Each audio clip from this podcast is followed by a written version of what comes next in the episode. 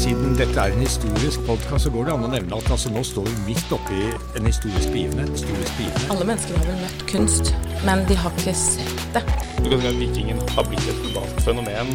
Altså, Hvor vanskelig jo vanskeligere enn det så for seg. da. Det var sånn typisk sånn blue sky. Velkommen til Vestfoldmuseenes podkast Tidsfordriv.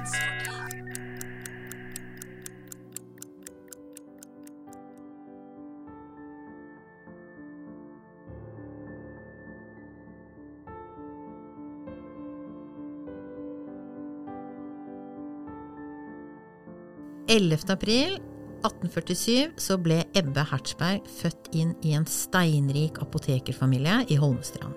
Selv så ble Ebbe professor i juss, og han jobbet på Universitetet i Kristiania, Oslo, 1880, da det begynte å gå rykter rundt Ebbe om at han hadde vært sammen med andre menn. Det var sant, det hadde Ebbe.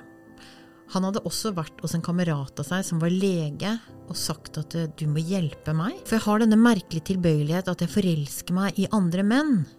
Og han legekameraten han trengte assistanse, så han sendte Ebbe til en psykiater i Tyskland, som sendte Ebbe videre til en psykiater i Sverige. Og disse tre legene de ble enige om at ja, Ebbe, du er syk. Du har en arvelig genetisk sykdom som kan spores tilbake til guttedagene. Og det innebærer en sykelig dragning til samme kjønn og en seksuell avsky til det motsatte kjønn. Og denne diagnosen heter, tro det eller ei, perversio. Det kan høres veldig rart ut, men Ebbe han ble faktisk veldig glad han, for å få denne diagnosen. For da tenkte han at det, det var ikke hans skyld.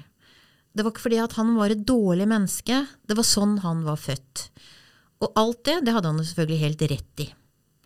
Og så tok han disse papirene, og så leverte han legejournalen sin til universitetsledelsen.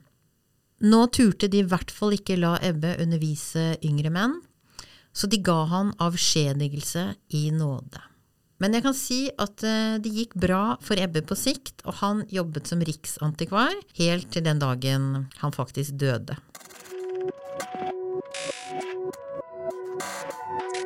It's